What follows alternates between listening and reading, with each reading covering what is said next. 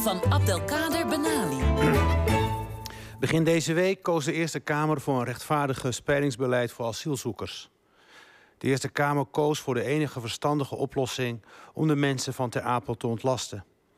En zo kwam er een einde aan maandenlang tenenkrommend gehakketak over een probleem dat eigenlijk geen probleem is.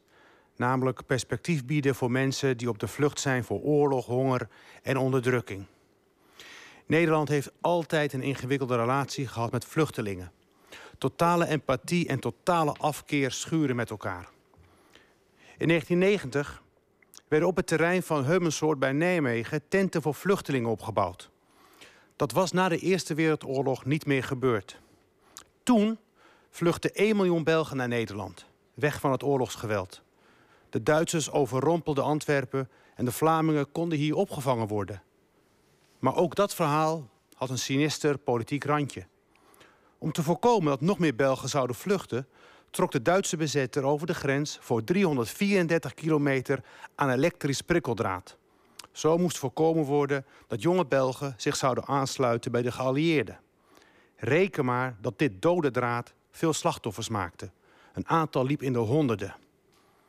De Nederlandse overheid maakte echter helemaal geen bezwaar tegen het prikkeldraad. Alles om maar de neutraliteit te waarborgen. Die paar doden kon het er wel bij hebben. Terug naar 1990 in Heumensoort.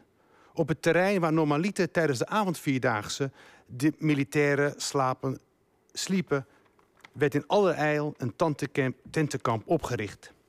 Hier vond een allegaatje van vluchtelingen een tijdelijk huis. Het artikel dat een journalist van het Vrije Volk erover schreef, leest als een liefdevolle ode aan de vluchtelingen. Onder de 70 vluchtelingen zit een Surinamer op de vlucht voor Ronnie Brunswijk. Die heeft gezelschap van zes Roemenen op de vlucht voor het regime in hun eigen land. Een van de Roemenen is een tophandballer van Steaua Boekarest.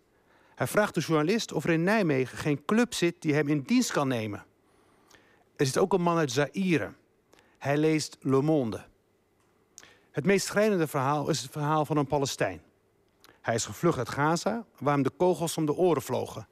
Zijn broer is in zijn been geschoten en ligt in het ziekenhuis. Via Griekenland, de Balkan en Duitsland is hij in Nederland terechtgekomen. Hij wijst naar de militairen die het tentenkamp aan het opbouwen zijn. Ze lachen met elkaar. Het verwarmt het hart van de Palestijn. Lachende soldaten. Dat heb ik me voorgesteld bij Nederland. De journalist observeert dat de militairen en de marechaussee er alles aan doen om de nerveuze asielzoekers op hun gemak te stellen. Het is deze mantel der liefde die in het huidige debat helaas ontbreekt. Gewoon die lach. Dank je, Abdelkader.